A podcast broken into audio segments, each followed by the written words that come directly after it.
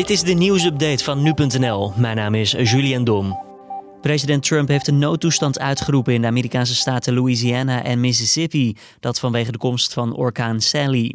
De orkaan nam gisteren al snel in kracht toe en brengt windvlagen tot 155 km per uur en hevige regenval met zich mee. Het langzame tempo waarop de orkaan zich verplaatst zorgt ervoor dat het lastig voorspellen is hoe laat Sally precies aan land komt. Uit voorzorg zijn inwoners van laagliggende gebieden in de staten opgeroepen te evacueren.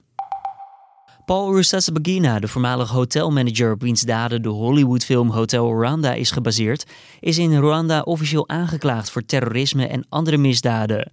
Hij weigerde echter in te gaan op de in totaal 13 aanklachten die worden ontkend door zijn advocaten. Rusesabagina bekleedt momenteel een belangrijke positie in de Rwandanese beweging voor democratische verandering. Deze beweging, die vooral vanuit het buitenland wordt aangestuurd, heeft ook gewapende groeperingen voortgebracht, zoals het National Liberation Front. Het Britse parlement heeft maandagavond tijdens een stemronde met een meerderheid gestemd voor de omstreden Brexit-wet van premier Boris Johnson. De stemming betekent echter niet dat het voorstel wordt verankerd in de wet, maar het maakt wel de weg vrij voor verdere discussies over het voorstel en het uitwerken van de details ervan. Met het voorstel kunnen onderdelen van het Brexit-terugtredingsakkoord onderuit worden gehaald.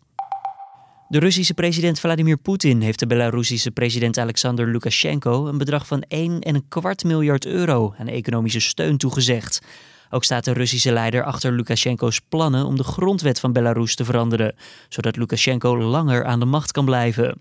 Na afloop van de circa vier uur durende gesprekken bedankte Lukashenko Poetin voor zijn steun en beloofde hij dichter bij Moskou te blijven.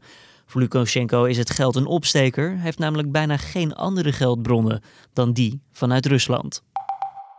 En Memphis Depay die verruilt volgens de Telegraaf Olympique Lyon voor FC Barcelona. De krant schrijft dat de deal rond is en dat Depay daarmee wordt herenigd met trainer Ronald Koeman. Barça zou de deal later deze week officieel willen bevestigen en vervolgens Depay willen presenteren in Camp Nou.